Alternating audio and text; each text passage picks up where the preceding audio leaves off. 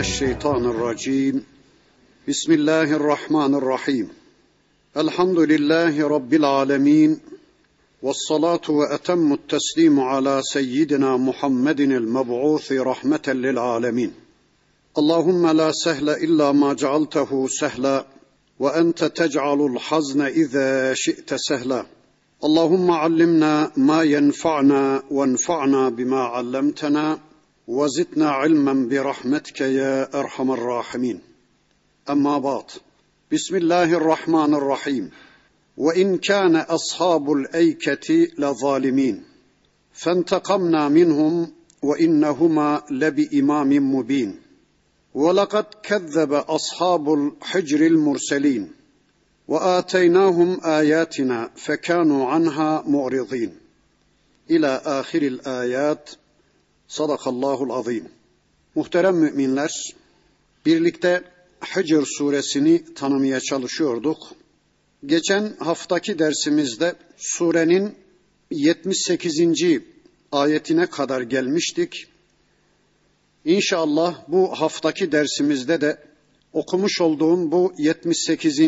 ayeti kerimesinden itibaren surenin sonuna kadar bitirmiş olacağız. Geçen hafta en son okuduğumuz ayetlerinde Rabbimiz Lut kavmini helak etmek üzere Allah'tan emir alıp yola çıkan meleklerin önce İbrahim Aleyhisselam'ın evine uğradıklarını, İbrahim Aleyhisselam'a Ali'nin bir oğul müjdelediklerini, İshak Aleyhisselam'ı müjdelediklerini, sonra da Lut kavmini helak ettiklerini anlatmıştı cinsel ahlaksızlığı Allah'a ve peygamberine kafa tutacak seviyeye çıkaran bir toplumun beden benim bedenim, onun istediğime peşkeş çekerim, kime ne? Tenasül organ benim organım, onu istediğim yerde kullanırım, kime ne? Ben istediğim şekilde bir hayat yaşarım. Allah'ın nikah sistemini kabul etmiyorum diyen, cinsel ahlaksızlığı meşrulaştıran bir toplumun acı sonunu, acı akıbetini anlatmıştı Rabbimiz. O olayın sonunda da bakın şöyle diyor. İnne fî zâlike le âyâtin lil mütesevvimin. Şüphesiz ki bu olayda, bu helak yasasında görüşü keskin olanlar için, bakışı düzgün olanlar için büyük ibretler var, büyük ayetler var. Ve inneha lebi sebilim mukim şüphesiz ki Lut kavminin kalıntıları işlek yolların üzerindedir. Ey Mekkeliler sizler ticaret maksadıyla Şam taraflarına giderken Lut kavminin yaşadığı bölgenin kalıntılarını görmektesiniz. İşte o ülke şu anda işlek yolların üzerindedir. İnne fî zâlike le âyeten lil mu'minin Şüphesiz ki bu olayda, bu helak yasasında müminler için büyük ibretler var, müminler için büyük dersler var. Şu anda yeryüzü kafirleri atlaslardan Lut Gölü'nün adını değiştirmeye çalışıyorlar. Lut Gölü deyince insanlar Lut Aleyhisselam'ı hatırlarlar. Allah'ın gücünü, kudretini hatırlarlar.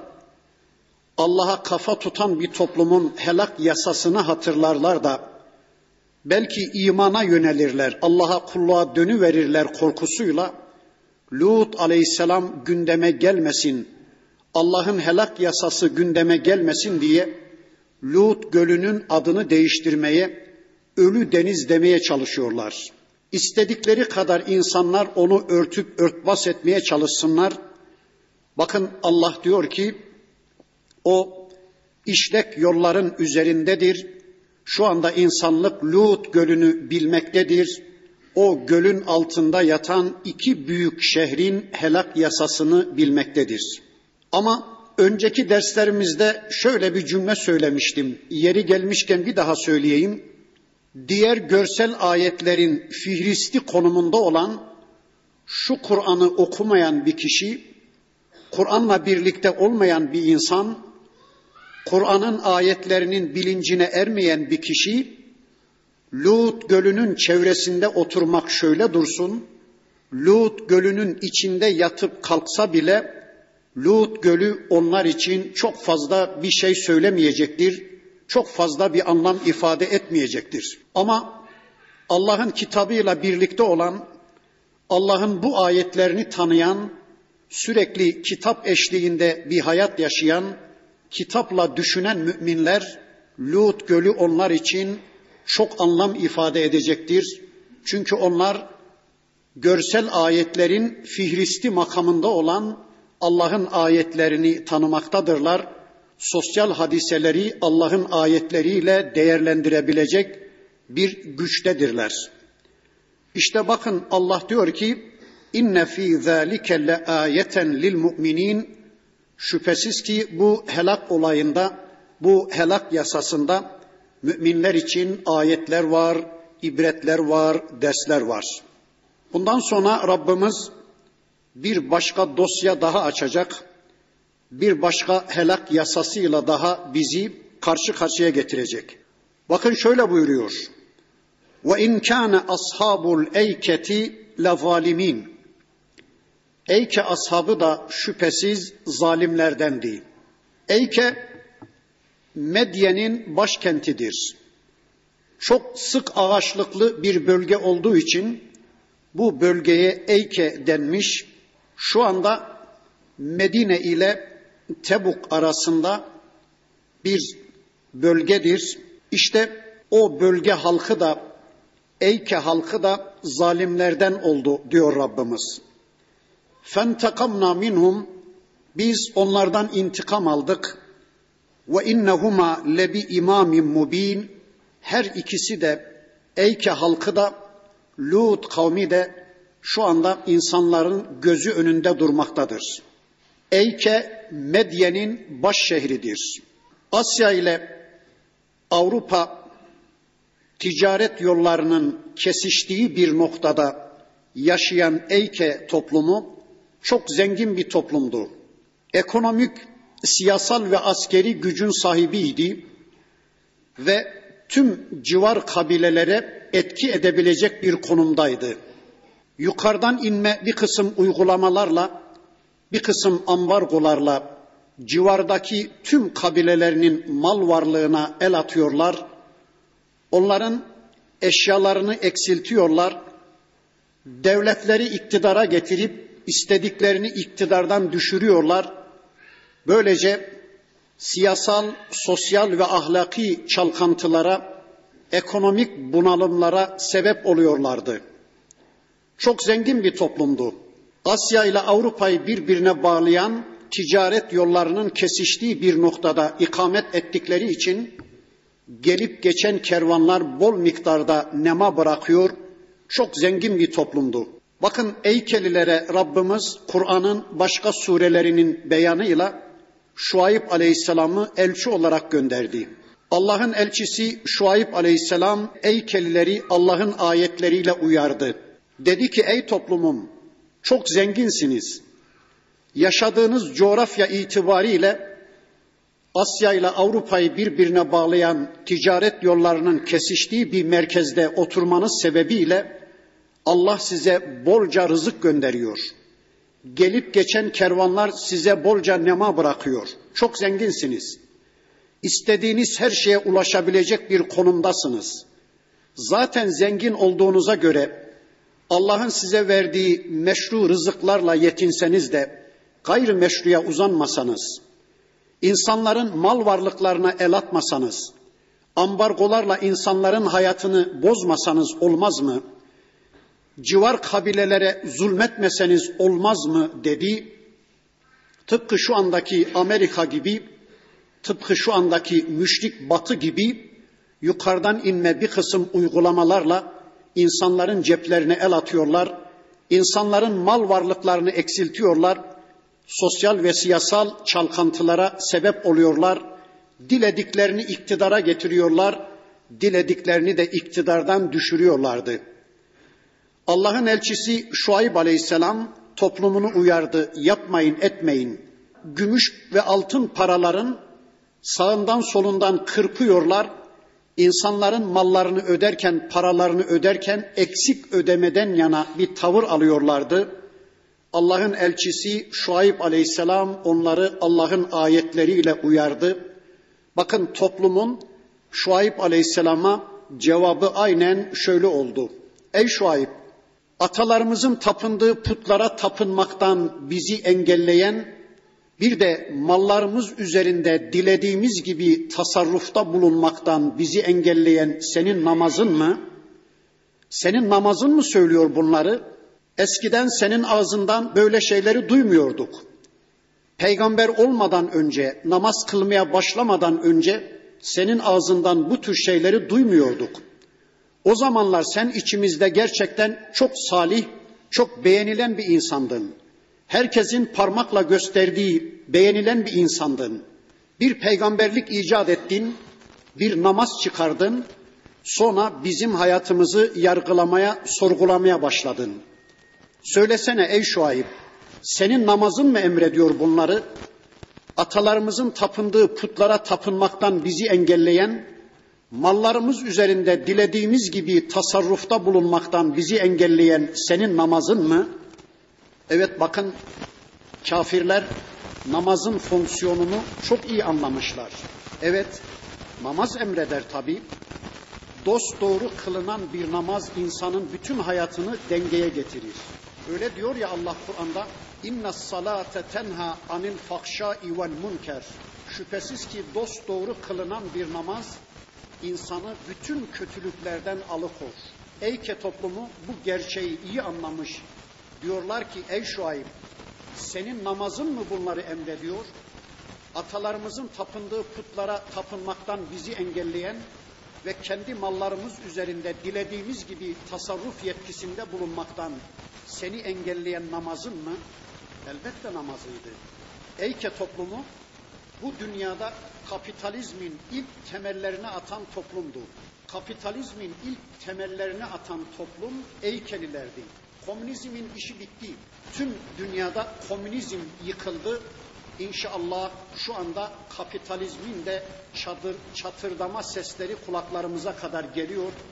Allah'ın izniyle çok kısa bir süre sonra kapitalizm de yıkılacak, o da yerle bir olacak. Peki neydi kapitalizm? Az evvelki sözlerimle ifade ettiğim gibi kapitalizmin esası şuydu. Bir adam kapital sahibi ise, bir adam mal sahibi ise o adam malında kapitali üzerinde sınırsız yetki sahibidir. Sınırsız yetki sahibidir. Bakın bir örnek vereyim. Farz edin ki ben çok zengin birisiyim. Konya'da kaç tane ekmek imal eden fırın var? Farz edin ki 200 tane fırın var. Ben gidiyorum, her bir fırınla anlaşıyorum. Aylık ne kadar ekmek üretiminiz var? Şu kadar. Ekmek kaç lira? Şu kadar. İyi bildin diyorum. Bir aylık ekmeğin parasını ödüyorum. 200 fırının 200'ünü de kapatıyorum. Sonra tırlarımı gönderiyorum işçilerimle birlikte. Ekmekleri yüklüyorlar tırlarıma. Alıp gidip şu karşıdaki Altınapa barajına döküp geliyorlar. Kapitalizme göre kimse bu konuda bana hesap soramaz. Çünkü kapitalizm de mal sahibi, sınırsız özgürlük sahibidir. Kimse o konuda hesap soramaz. İstersem yırtarım parayı, istersem yakarım, istersem denize döker gelirim. Kimse bana hesap soramaz. Ama İslam'da mülkün sahibi Allah'tır. Ben malımla, mülkümle ilişkimi ancak Allah'ın izin verdiği biçimde ayarlamak zorundayım. Az evvelki yaptığım şeyi yapmaya kalksam İslam devleti benim malıma el kor, buna fıkıhta hacır denir. Devlet benim malıma el kor, benim ve ailemin günlük haftalık yiyeceğim neyse onu bana verir, gerisine elimi bile dokundurmaz. Niye? Çünkü mülkün sahibi ben değilim ki, mülkün sahibi Allah'tır. Bakın diyorlar ki ey Şuayb, mallarımız üzerinde dilediğimiz gibi tasarruf yetkisinde bulunmaktan seni engelleyen namazın mı? Evet Müslümanın namazı tüm hayatını dengeye getirir.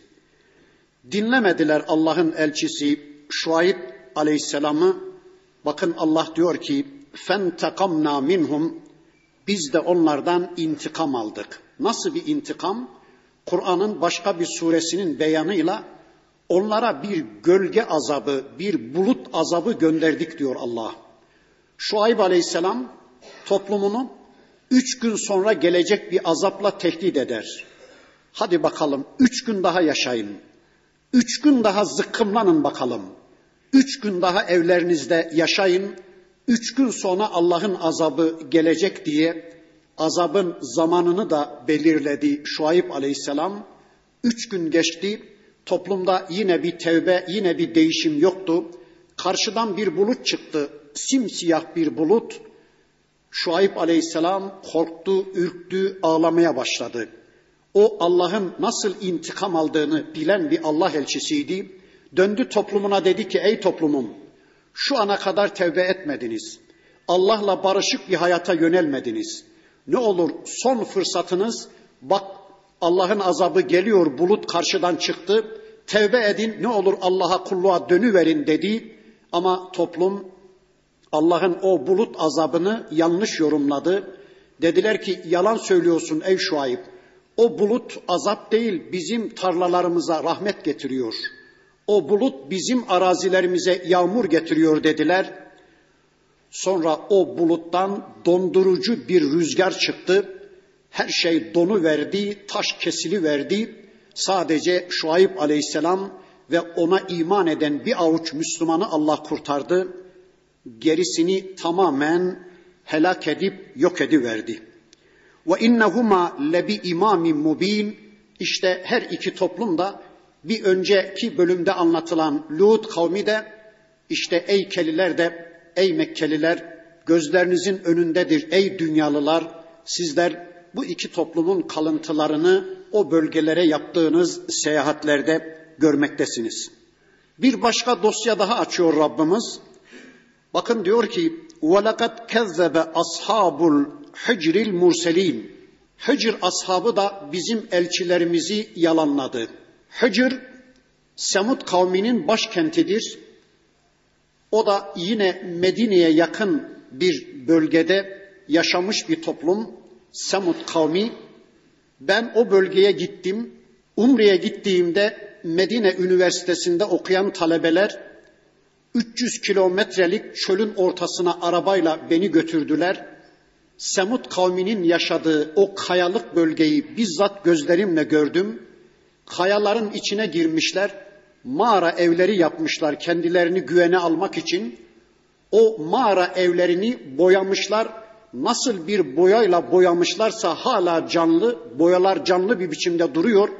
Hatta şehrin ortasında Salih Aleyhisselam'ın devesinin su içtiği kuyu bile duruyordu. Kör bir kuyu şeklinde ben gördüm. Bakın o topluma Semud kavmine Rabbimiz Salih Aleyhisselam'ı elçi olarak gönderdi. Allah'ın elçisi Salih Aleyhisselam toplumunu Allah'ın ayetleriyle buluşturdu. Allah'ın ayetleriyle uyardı ama toplum imana yanaşmadı. Dediler ki ey Salih boşuna yorma kendini. Bizler sana da senin Allah'ına da asla inanmayacağız. Belki bir şartla iman edebiliriz. Eğer bize görsel bir ayet getirirsen, gözlerimizle göreceğimiz, ellerimizle dokunabileceğimiz, duyularımızla algılayıp reddetme gücüne sahip olamayacağımız, karşısında boyun büküp bel kıracağımız bir mucize, bir görsel ayet getirirsen o zaman belki sana iman edebiliriz dediler. Salih Aleyhisselam bunun üzerine Allah'a yalvarıp yakardı. Ya Rabbi bir mucize, Ya Rabbi bir görsel ayet dedi. Rabbimiz buyurdu ki ey Salih toplumunu al az evvel sözünü ettiğim o kayalık bölgeye götür dedi. Salih Aleyhisselam aldı toplumunu o kayalık bölgeye götürdü. Bakın şu kayaya dedi. Böyle dağ gibi kayalık bir bölge. Toplum o kayalık bölgeye bakarken Onların gözü önünde o kaya yarıldı, içinden bir dişi deve yürüyerek çıka geldi. Allah onlara görsel bir ayet getirmişti, bir mucize göstermişti. Bu deve mucizeydi, yaratılışı mucizeydi. Yani bir deveden dünya gelmemişti. Materyalist bir toplumun gözü önünde Allah'a inanmayan, manaya inanmayan, ruhu reddeden, sadece maddeye inanan materyalist bir toplumun gözleri önünde kaya yarılmış, dişi bir deve çıkıp gelmişti. Elbette şu andaki develer de mucize. Onlar da birer Allah ayeti ama bu deve onlardan biraz daha farklı bir deveydi. Çok büyük bir deveydi. Az evvel sözünü ettiğim şehrin ortasındaki kuyunun suyunu bir gün o deve içecek, kavim içmeyecek. İkinci gün deve içmeyecek, toplum içecekti kuyunun suyunu. Ama o deve bir gün önce içtiği suyu süte çevirecek karnında, bütün topluma süt diye ikram edecek, bütün kavmi doyuracaktı sütle. Gerçekten mucize bir deveydi. Bu devenin varlığı toplum için bereketti, hayırdı, hayırlıydı. Ama kafirlerin gözü ters ayarlandığından, kafirin mantığı ters olduğundan o deveye tahammül edemediler. O deveyi Salih Aleyhisselam'ın mucize devesini öldürüverdiler. Bunun sadece iki sebebinden söz edeyim. Bir tanesi o deve bir gün kuyunun suyunu içecek, ertesi gün o suyu süte çevirip bütün kavmi doyuracaktı. Suyu bloke etmiş, suyu ve sütü satmaya alışmış materyalist insanların o devenin bedava insanlara o suyu süt diye ikram etmesine tahammül etmeleri mümkün değildi. Sütü satmaya, suyu satmaya alışmış insanların bedava o deve tarafından sütün insanlara ulaştırılmasına tahammülleri mümkün değildi. O devenin öldürülüşünün birinci sebebini söyledim. İkinci sebebi de inşallah ağır ağır söyleyeyim. Bakın o deve Salih Aleyhisselam'ın devesi bir Allah ayeti olarak, bir mucize olarak toplumun içinde, şehrin içinde gezip dolaşınca görenlere hep Allah'ı hatırlatacaktı. Çünkü devenin yaratılışı mucizeydi. O deveyi gören herkes Allah'ı hatırlayacak, Allah'a kulluğa yönelecekti. Halbuki kafirler yeryüzünde insana Allah'ı hatırlatan bir ayetin, bir görüntünün, bir sembolün varlığına asla tahammül edemezler. Yeryüzünde insana Allah'ı hatırlatacak bir ayet, bir sembol, bir işaret varsa kafirler onu örtüp örtbas etmeden yana onu silip defterini dürmeden yana bir tavır alırlar. Bakın şu anda başörtüsü bir Allah ayetidir. Başı örtülü bir kadını gördüğü zaman bir insan Allah'ı hatırlar, Allah'ın ayetini hatırlar. İşte yeryüzünde insanlara Allah'ı hatırlatacak, Allah'a kulluğu hatırlatacak bir Allah ayeti olan başörtüsünü silmek için, toplumda örtüp örtbas etmek için tüm yeryüzü kafirleri harekete geçiyorlar. O Allah ayetini örtüp örtbas etmeye çalışıyorlar. Neden? Çünkü bir toplumda başı örtülü bir müminenin varlığı diğerlerinin açıklığını ortaya koyar da ondan. Şu cümleyi daha önce defalarca söylemiştim. Yeri gelmişken bir daha söylemek zorundayım. Bir okulda düşünün bin öğrenci var. 999 talebe başı açık geliyor. Bir tane kız çocuğu farz edin ki başı örtülü. O 999 bir tek başı örtülünün varlığına asla tahammül edemezler. Onu yok etmek için ellerinden gelen her şeyi yaparlar. Niye? Çünkü o okulda bir tek başı örtülü müminenin varlığı diğerlerinin açıklığını ortaya koyar da ondan toplumda namaz kılan bir tek müminin varlığı berikilerin namazsızlığını açığa çıkardığı için namazsızlar bir tek namaz kılan insanın varlığına tahammül edemezler. Bir dairede bin tane memur var. 999'u rüşvet diyor. Farz edin ki bir tane Müslüman memur rüşvet yemiyor. O 999 kişi bir tane rüşvet yemeyen Müslümanın varlığına tahammül edemez onu yok etmek için elinden gelen her şey yaparlar. Niye? Çünkü onun varlığı berikilerin rüşvetçiliğini açığa çıkarır da ondan. Yeryüzünde Müslümanın varlığı küfrün programına engeldir. Yeryüzünde bir tek Müslüman varsa o kafirin küfrünü açığa çıkardığı için yeryüzü kafirleri yeryüzünde bir tek Müslümanın varlığına tahammül edemezler.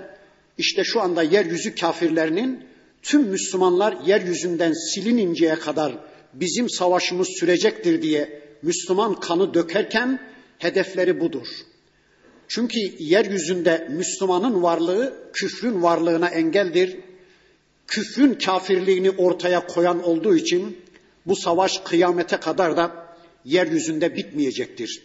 İşte bakın o deve bakan kimselere Allah'ı hatırlatıyor. Bir Allah ayeti, bir Allah sembolüydü. Semut kavminin kafirleri o devenin varlığına tahammül edemediler ve o deveyi öldürdüler.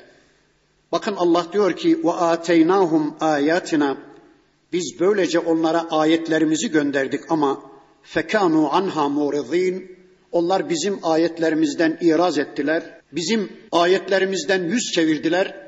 Bizim ayetlerimizle ilgilenmediler. Ve kanu yenhitun min el cibali buyuten aminin.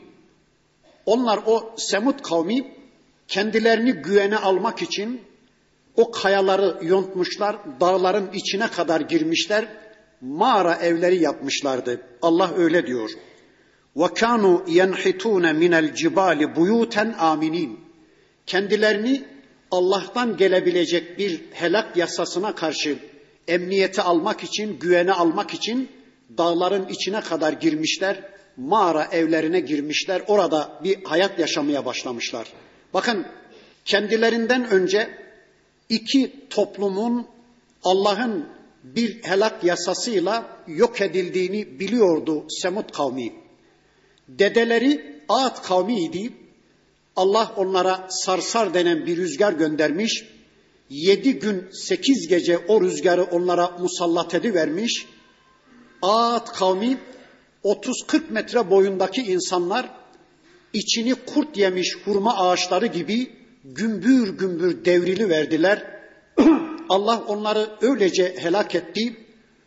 Dedelerinin dedeleri de Nuh kavmiydi. Yani bir önceki dedeleri de Nuh kavmiydi. Allah Nuh kavmine de bir tufan göndermiş.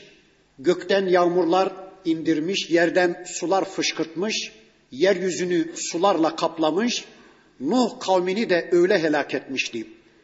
Bakın üçüncü toplum Semut kavmiydi. Dedelerinin Ağat kavminin sarsar denen bir rüzgarla bir önceki dedelerinin de tufanla yok edildiğini bilen bu toplum oturup kendi aralarında bir ders çıkarmışlar. Bakın çıkardıkları ders de şuydu. Diyorlar ki atalarımız yanlış yaptı. Biz onların yanlışına düşmeyelim. Neymiş atalarının yanlışı? Onlar diyorlar mesela Nuh kavmi, mesela Ad kavmi onlar evlerini düzlüklerde kurdular ovalarda kurdular. Allah'ın ayetleriyle baş edemediler. Allah'la savaşımlarında pes ettiler. Biz öyle yapmayalım. Biz atalarımızın yanlışına düşmeyelim. Biz evlerimizi düzlüklerde, ovalarda kurmayalım. Dağları yontup dağların içine kadar girelim. Kayalıkların içine kadar girelim. Orada Allah'la savaşımızı rahat sürdürebiliriz. Allah'ın hiçbir ayeti bizi etkileyemez, Allah bizi yok edemez dediler. Bakın böyle bir ders çıkardılar. Şöyle deseler daha iyi olmaz mıydı? Ya atalarımız yanlış yaptı. Onlar Allah'la çatışma içinde bir hayatı tercih ettiler. Onlar peygamberleri reddettiler. Böylece Allah'ın helak yasasının mahkumu oldular. Biz öyle yapmayalım. Biz onların düştüğü yanlışa düşmeyelim. Biz Müslüman olalım. Biz Allah'la barışık bir hayat yaşayalım. Biz Allah'ın elçilerini reddetmeyelim. Allah'ın elçileri istikametinde bir hayat yaşayalım. Böylece kendimizi garantiye alalım.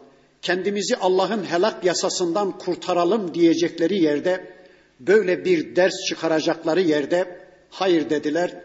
Allah'ın ne rüzgar ayeti, Allah'ın ne yağmur ayeti bize hiçbir şey yapamaz dediler. Kendilerini emniyete almak için dağların içine kadar girip oralarda mağara evleri yaptılar. Halbuki Allah'ın bir tek tufan ayeti yoktu ki, Allah'ın sadece bir tek rüzgar ayeti yoktu ki, Allah'ın başka ayetleri de vardı.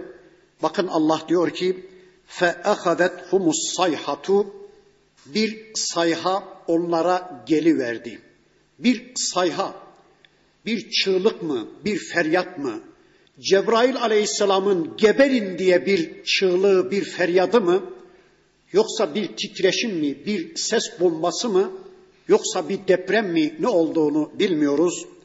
Bir sayha geliverdi onlara musbahin sabah vaktinde bir sayha onları yakalayıverdi de mağara evlerinin içinde diz çökü verdiler. İki büklüm diz çökü verdiler. Allahu Ekber. Ya o anda dizlerinin bağı çözüldü, dizüstü düşü verdiler ya da Allah'ın azabı gelince hemen secdeye koştular, rükuya koştular. Biz ettik sen etme ya Rabbi diye pişmanlık ortaya koydular. Secdeye ve rükuya koştular ama geçmiş olsun. Böyle bir ortamda secdeye koşmanın, rükuya koşmanın ne anlamı vardı? Bunu önce yapacaktınız hainler. Evet, mağara evlerinin içinde diz çökü verdiler. Kur'an'ın başka bir suresinin beyanıyla hani hayvanların önüne yem dökersiniz, saman dökersiniz, ince küçük olanlarını yerler, kalın kesmikleri de hayvanlar ağızlarından aşağıya doğru düşürürler. Ayaklarının altında kırarlar, düerler, ezerler, hurda huş ederler ya. işte hayvanların ayağının altında kırıp düğdüğü kesmik yığınına dönüverdi onlar diyor Allah. Kesmik yığınına dönüverdiler. Allahu Ekber. Ya Rabbi sen bizi koru. İşte Allah'la çatışan bir başka toplumun acı sonu, acı neticesi. Bir ara Tebuk seferine çıktıklarında Peygamber aleyhisselam ve sahabe-i kiram efendilerimiz o bölgeden geçerken önceden gitmiş kimi Müslümanlar oradaki kuyudan su almışlar, yemek hazırlamışlar. Allah'ın Resulüne haber veriyorlar. Ya Resulallah biz bu kuyudan su aldık, hamur yaptık, ekmek yapacağız deyince Allah'ın Resulü o yemeklerinizi dökün, yaptığınız hamurlarınızı da develerinize yedirin, bu bölgede de konaklamayın. Bu bölgede asla konaklamayın. Allah'ın azabının indiği bir bölgeden hızlı geçin diyor Allah Resulü Hazreti Muhammed Aleyhisselam. Yine bir hadislerinde buyurur ki bu bölgeden geçerken ağlayarak geçin o kavme ulaşan azabın size dokunmaması için, size de ulaşmaması için helak edilen ülkelerden geçerken hızlıca geçin, süratlice geçin diyor Allah Resulü Hazreti Muhammed Aleyhisselam. فَمَا أَغْنَى عَنْهُمْ مَا كَانُوا يَكْسِبُونَ Kazandıklarının onlara zerre kadar bir faydası da dokunmadı. O planlarının, programlarının, tedbirlerinin zerre kadar onlara bir faydası dokunmadı güya kendilerini Allah'ın ayetlerinden garantiye almak için mağara evlerinin içine girmişlerdi. Dağların içine kadar girmişlerdi. Ama Allah'ın bir başka ayeti, Allah'ın bir başka helak yasası onları orada buluverdi. Onların ağzının payını veriverdi. Onları muahaze ediverdi Rabbimiz. وَمَا خَلَقْنَا السَّمَاوَاتِ وَالْأَرْضَ وَمَا بَيْنَهُمَا إِلَّا بِالْحَقِّ Biz gökleri ve yeri ikisi arasındakileri hak ile yarattık. Göklerde, yerde ve ikisi arasındakilerde hak yasalar egemendir. Onlar hak yasalara istinad etmektedir. Onlar asla batıl olsun diye, eğlence olsun diye, oyun olsun diye yaratılmamıştır. Dolayısıyla gökler, yer ve ikisi arasındakiler tevhide işaret etmektedir, tevhide delillik etmektedir. Yeryüzünde tevhidi yaşayan müminler, yeryüzünde insanlara tevhidi duyuran peygamberler göklerle, yerle bütünleşmiştir. Göklerde de yerde de ikisi arasında da tevhid egemendir. Gökler, yer ve ikisi arasındakiler Allah'ın birliğini ilan etmektedir. Allah'ın varlığını ilan etmektedir. Bütün bu varlıklar tek bir varlık tarafından yaratıldıklarını ilan etmektedir. Dolayısıyla gökler ve yerde hak yasalar egemendir. Ve inne saate laatiyetun hiç şüpheniz olmasın ki kıyamet saati de mutlak gelecektir. Fasfahı safhal cemil öyleyse ey peygamberim sen çevrendeki insanlara merhametle yaklaş. Onlara merhametle hakkı, gerçeği anlatıver.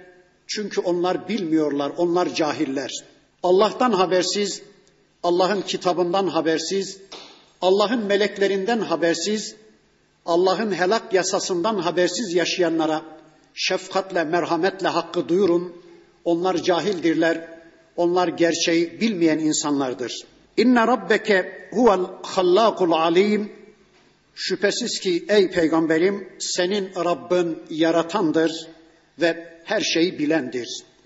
Ey peygamberim ve ey peygamber yolunun yolcusu müminler. Rabbiniz sizin çevrenize tevhidi anlatmak için, çevrenizi Müslümanlaştırmak için, çevrenizi Allah'ın bu ayetleriyle diriltmek için yaptığınız uğraşıları Allah bilmektedir.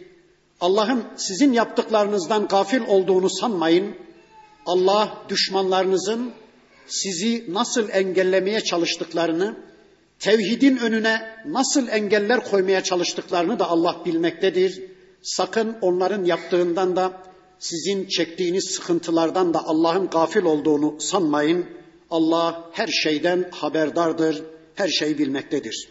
وَلَقَدْ آتَيْنَاكَ سَبْعًا مِنَ الْمَثَانِ وَالْقُرْآنِ الْعَظِيمِ Ey Peygamberim, şüphesiz ki sana tekrar edilen yediği bir de Kur'an-ı Azim'i verdik.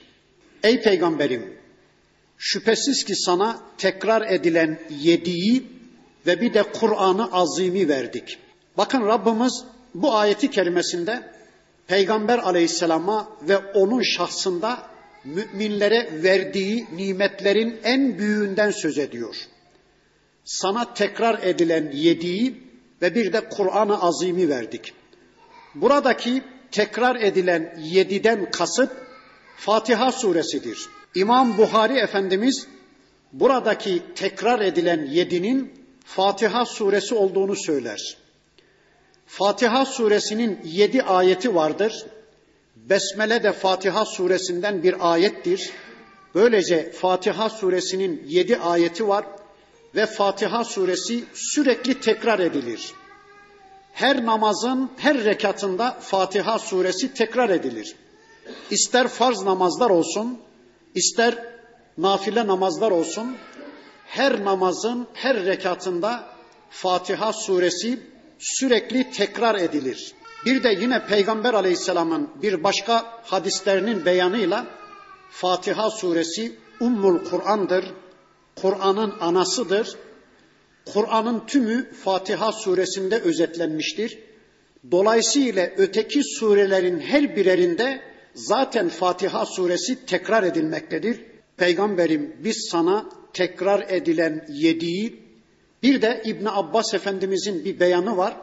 Tekrar edilen yediden kasıt diyor İbn Abbas Efendimiz Bakara suresi, Ali İmran suresi, Nisa suresi, En'am suresi, Araf suresi, Tevbe ve Enfal suresi şeklinde anlamış. Tekrar edilen yedi onlardır diye anlamış İbn Abbas Efendimiz. Kur'an'ın ilk müfessiri olduğu için saygı duydum. Onu da sizinle paylaşmak istedim. Bakın bu ayetinde Allah ne anlatıyor? Peygamber Efendimiz'e ve onun şahsında biz müminlere verdiği nimetlerinin en büyüğünü anlatıyor. Bakın ey Müslümanlar, şu anda Müslümanlar olarak Allah'ın bize en büyük nimeti Kur'an'dır. Çünkü diğer nimetlerin tümüne bizi ulaştıran Kur'an'dır.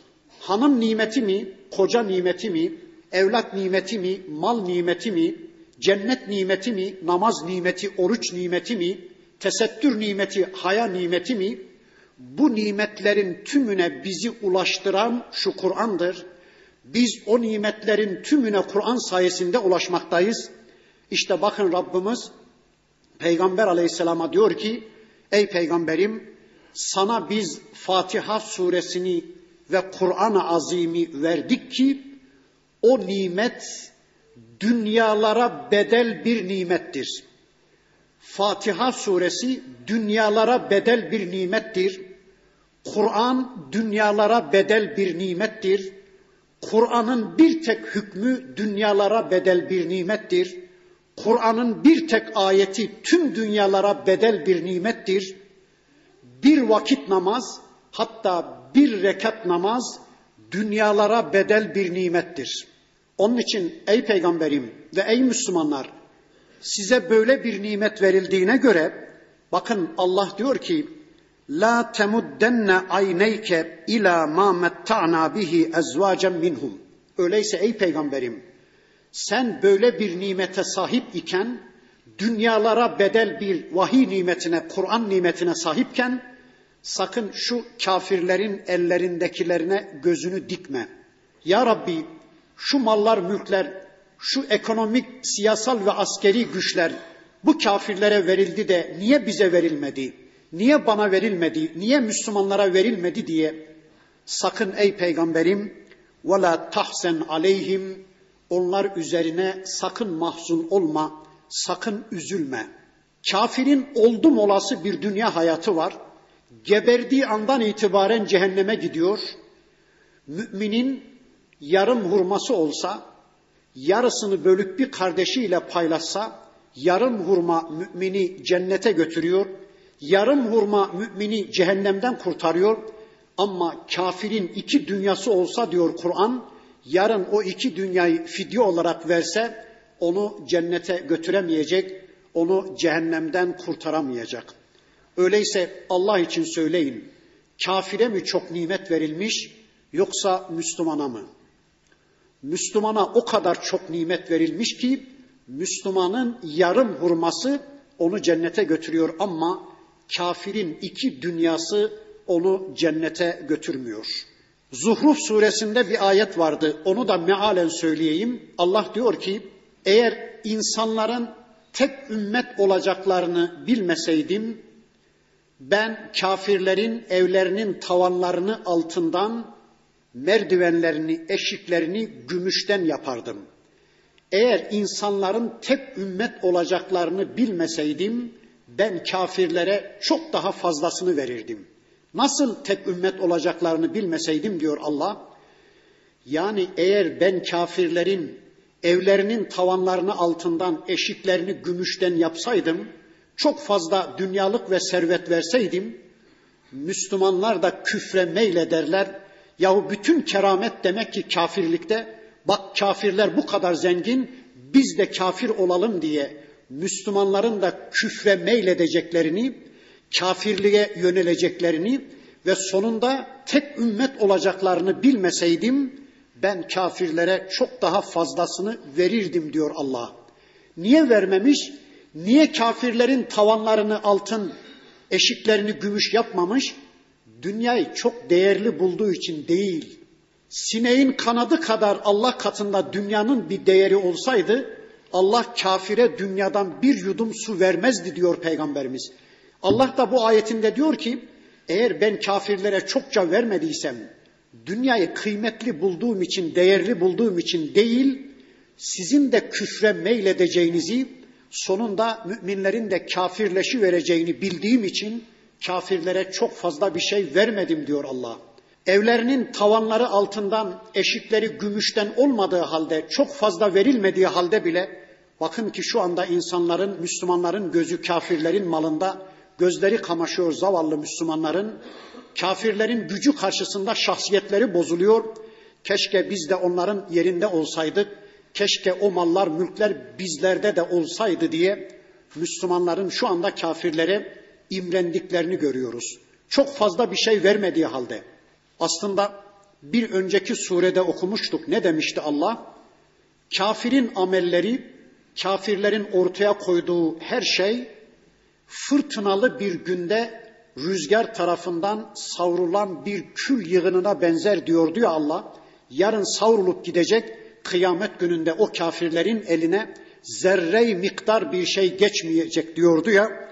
İşte kesinlikle kafirlere imrenilmez, kafirin hayatında imrenilecek zerre kadar bir şey yoktur. Ey peygamberim Sakın onların mallarına göz dikme. Vahfiz cenahake lil müminin. Müminlerin üzerine şefkat ve merhamet kanatlarını geri ver ey peygamberim. Kuşlar biliyorsunuz yavrularının üzerine şefkat ve merhamet kanatlarını gererler. Niye? Düşmanlar tarafından kapılmasınlar diye, üşümesinler diye, hasta olmasınlar diye. İşte ey peygamberim sen de müminlerin üzerine şefkat ve merhamet kanatlarını geri ver ki yabancılar tarafından kapılmasınlar, şirke, küfre meyletmesinler, üşümesinler, hastalığa yakalanmasınlar, cehenneme gitmesinler.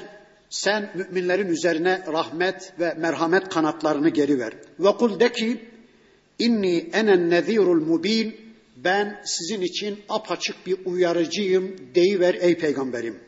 Kema enzelna alel muktesimin. Bu ayetlerin bir benzerini biz bölenlere de göndermiştik. Bölenlere, parçalayanlara da biz bu ayetlerin bir benzerini göndermiştik. Seb'ul Mesani denen Fatiha suresinin bir benzerini, az evvel ifade ettiğimiz ayetlerin bir benzerini biz daha önce bölenlere de göndermiştik. Kim onlar? Onlar Yahudi ve Hristiyanlar. اَلَّذ۪ينَ جَعَلُوا الْقُرْآنَ عَظ۪ينَ Onlar Kur'an'ı parçaladılar, parça parça ettiler. Hangi Kur'an'ı? Bakın Kur'an okunak demektir. Karae kökünden aldığınız zaman okunak demektir. Karane kökünden gelirse o da harfleri bir araya getirerek ayetlerin oluşumu demektir. Öyleyse Tevrat da bu manada Kur'an'dır. İncil de bu manada Kur'an'dır. Onlar Tevrat'ı parçaladılar. Onlar İncil'i parçaladılar. Nasıl parçaladılar?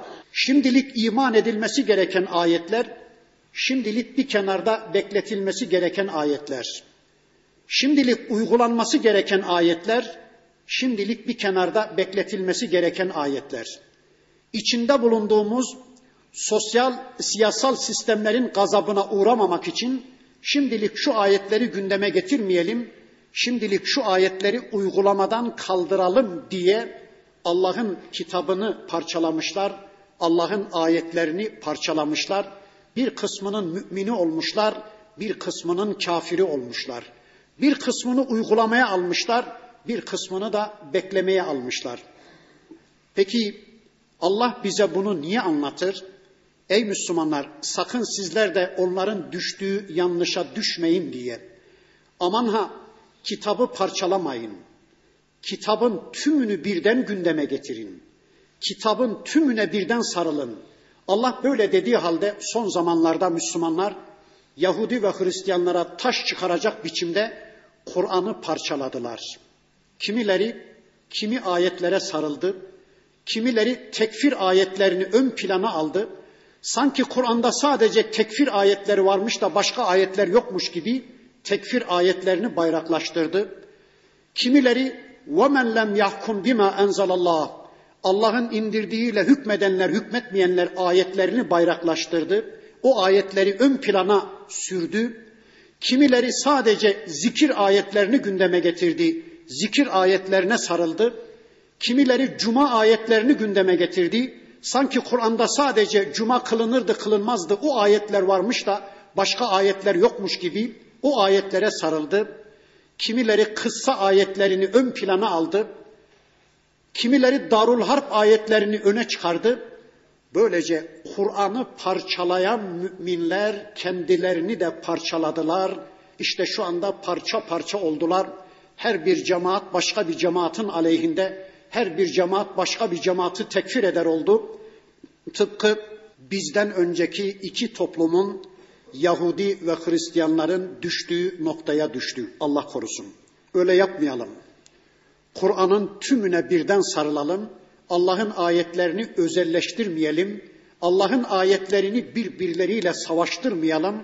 Allah'ın ayetlerini bayraklaştırıp kimi ayetleri ön plana çıkarıp kimi ayetleri göz ardı etmeden yana olmayalım. Fe ve rabbike lenes'elennehum ecmaîn amma kanu ya'melun. Rabbına yemin olsun ki ey peygamberim biz onların tümüne hesap soracağız. Böylece kitaplarını parçalayan, kitaplarının bir kısmının mümini, bir kısmının kafiri olan insanlardan hesap soracağız. Fasta bima tu'mer. Peygamberim sen onların düştüğü yanlışa düşme. Sana emrolunan ayetleri açık ve net bir biçimde gündeme getir. Bakın Yahudiler bir dönem Roma İmparatorluğu'nun bünyesinde bir hayat yaşadılar. Müşrik Roma'dan korktuğu için, Roma İmparatorluğu'nun yöneticilerinden korktukları için Tevrat'ın kimi ayetlerini gündeme almadılar. Aman idam ediliriz, aman kodese tıkılırız endişesiyle Tevrat'ın kimi ayetlerini gündeme almadılar, yok farz ettiler. Bakın Allah aynı yanlışa düşmesin diye Peygamber aleyhisselama diyor ki, Festa bima tu'mer. Ey peygamberim emrolunduğun ayetleri gizlemeden, yamultmadan, bir kısmını göz ardı etmeden, bir harfini bile gizlemeden açıkça gündeme getir. Ve ariz anil müşrikin sakın müşriklerden de yüz çevir. Müşriklerden korktuğun için filanlar darılmasın diye, filanlarla çatışma içine girmeyeyim diye, Mekke müşriklerinin gazabına uğramayayım diye sakın Yahudilerin ve Hristiyanların yaptıkları gibi Allah'ın ayetlerinden kimilerini gizlemeden yana olma. İnna kefeynake şüphesiz ki biz sana kafi geliriz. El müstehziin alaycılara karşı biz sana kafi geliriz. Bakın bu ayet bugün bize de şunları söylüyor. Eğer ben yöneticilerle çatışırım korkusuyla filanların gazabına maruz kalırım endişesiyle burada Allah'ın hükümlerini yamultmaya kalkarsam, Allah'ın ayetlerini eğip büyümeye kalkarsam, Allah'ın hükümlerinden kimilerini ketmetmeye, gizlemeye kalkarsam, işte tehlike çanları o zaman başlar benim için. Ama ben kim darılırsa darılsın, kim gazaplanırsa gazaplansın, ben Allah'ın ayetlerini bildiğim biçimde, doğru bir biçimde size aktarırsam, işte Allah'ın bu desteği benim için de geçerli. O zaman ben kendimi emniyette bilirim. Ben kendimi Allah güveninde bilirim. Her Müslüman bunu düşünmek zorunda. اَلَّذ۪ينَ يَجْعَلُونَ مَعَ اللّٰهِ اِلَٰهًا آخر Onlar Allah'la birlikte ilahlar edindiler. فَسَوْفَ يَعْلَمُونَ Çok yakında onlar ne yaptıklarının farkına varacaklar. وَلَقَدْ نَعْلَمُ أَنَّكَ يَضِيقُ صَدْرُكَ bima yekulun şüphesiz ki ey peygamberim şu kafirlerin lakırdılarından şu müşriklerin söylediklerinden dolayı biliyoruz ki kalbin daralıyor, ruhun sıkılıyor.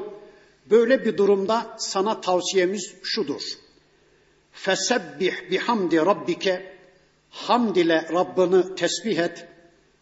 Subhanallah de, elhamdülillah de ve kum mines sacidin ve secde edenlerden ol. Bakın bunalmış bir kişiye, daralmış bir mümine, bir düşman bir düşman tehlikesiyle karşı karşıya gelmiş bir Müslümana, üzülmüş, bunalmış bir Müslümana Allah'ın tavsiyesi elhamdülillah de, subhanallah de ve hemen secde et. Namaz müminin Allah'la iletişim kurduğu andır. Namaz müminin güç kaynağıyla irtibat sağlamasıdır. Bunalan bir mümin hemen namaz kılmalı. Allah'ın Resulü ne zaman bunaldığı, daraldığı zaman hemen namaza dururdu. وَاسْتَعِينُوا بِالصَّبْرِ وَالصَّلَاتِ Sabırla ve namazla Allah'tan yardım dileyin. Ayeti kerimesi de bu gerçeği anlatır. Bunalan, daralan mümin hemen namaza dursun. Sahabeden bir zat diyor ki, Uhud dönüşü, Müslümanlar Medine'ye dönünce, ordu Medine'ye dönünce bir oğlum vardı diyor. Yaşlıydım, gücüm de kalmamıştı. Oğlumun Uhud'da şehit olduğunu öğrendim. O anda dizlerim titredi, dayanamayacaktım. İyi ki abdestim vardı. İki rekat namaza durdum ve o iki rekat namaz beni kurtardı diyor. O olayı bana alıştırıverdi. Rabbim bana bir sabır verdi beni kurtardı diyor. Öyleyse bunaldığınız, daraldığınız zaman hemen namaz kılın. Son ayet okuyup bitiriyorum. Va'bud rabbeke hatta ye'tiyekel yakin. Bir de ey peygamberim sana yakin gelinceye kadar Rabbına ibadet et. Sana yakın ulaşıncaya kadar. Yakın ne? Kimi sapıklar bunu şöyle anlamaya çalışmışlar. Yakînden kasıt marifet bilgisine ulaşmaktır. Fena fillah noktasına erişmektir. Allah diyor ki ey peygamberim marifet bilgisine ulaştığın anda, Allah bilgisine ulaştığın anda yani Allah'la ahbaplaştığın, balta sapını kesmez mantığıyla Allah'la bütünleştiğin anda namaz da biter, oruç da biter, tüm kulluklar bir kuldan sakıt olur şeklinde anlamışlar. Son derece sapıkça bir anlayış. Öyle demiyor Allah. Öyle demiyor. Ey peygamberim sana yakin gelinceye kadar ibadet et derken sana ölüm gelinceye kadar Rabbına kulluk et diyor. Ayetin manası bu. Delil bakın Kur'an'dan iki ayet okuyayım. Bir tanesi Müddessir suresinin son bölümündeki ayetler. Bakın Allah diyor ki cehennemlikler cehennemin kapısının ağzına gelmişler. Cehennem zebanilerinin emiri olan Malik şöyle bir bakmış. Gök yer insanla dolmuş cehennemin kapısının ağzında. Bakacak ki Malik Müslümanlar da var.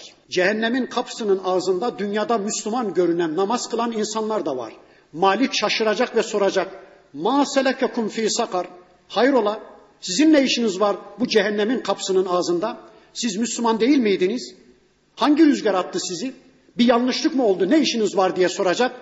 Bakın onlar şu dört şeyi söyleyecekler. Lem neku minel musallin. Biz namaz kılanlardan değildik. Namaz kılıyorduk ama namaz kılanlarla beraber değildik. İçkicilerle, zinacılarla, ayyaşlarla oturup kalkıyorduk. Namaz kılanlarla beraber değildik. İki, velem neku nut'imul miskin. Biz dünyada miskinleri de doyuranlardan değildik. Aman dikkat edin bu noktalara. Üç, ve kunna nehuzu ma'al haidin. Bir de biz dünyada boş şeylere, batıl şeylere dalanlarla birlikte dalıyorduk. Dünyamızı ve ukbamızı ilgilendirmeyen boş şeylere daldıkça dalıyorduk. Attan, avrattan, fiyattan, murattan, marttan, dolardan, saptan, samandan, geçimden, seçimden dünyamızı ve ukbamızı ilgilendirmeyen boş şeylerden konuşmaya dalıyorduk. Dört, ve kunna nukezzibu bi. Bir de biz din gününü yalan sayıyorduk. Böyle bocalayıp giderken hatta etanel yakin bize ölüm geliverdi. Tevbe edemeden işte kendimizi bu cehennemin kapısının ağzında bulduk. Yakin neymiş bu ayete göre? Ölüm. Bir ayette okuyayım. O da İsa Aleyhisselam'dan. Diyor ki İsa Aleyhisselam ve avsani bis salati ve zekati ma dumtu hayya. Ben hayatta olduğum sürece, nefes alıp verdiğim sürece bana namazı ve zekatı Rabbim vasiyet etti. Ne zamana kadar? Ölünce namaz da biter, ölünce oruç da biter, ölünce ibadet de biter. Değilse marifet bilgisine ulaşıncaya kadar Allah'a ibadet et ey peygamberim şeklinde anlamış kimi sapıklar. Bunlar sapıklığın daniskası. Peygamber aleyhisselam son nefesine kadar namazı bırakmadı. Hatta bir ara vefatından birkaç saat önce bir baygınlık geçirdi. Kendine gelir gelmez namaz ne oldu? Namaz vakti geçti. İlk sorduğu şey namazdı. Öyleyse ey peygamberim ve ey Müslümanlar size ölüm gelinceye kadar Allah'a ibadet edin. Allah'a sonsuz şükürler olsun ki Hecr suresi de bitti. Önümüzdeki haftadan itibaren inşallah Nahl suresiyle karşı karşıya geleceğiz. O sureyi tanımak için de tekrar bir araya gelmek üzere Allah'a emanet olun. Subhaneke Allahumma ve bihamdik. Eşhedü en la ilahe illa ente estağfurüke ve etûbü ileyk. Velhamdülillahi Rabbil alemin.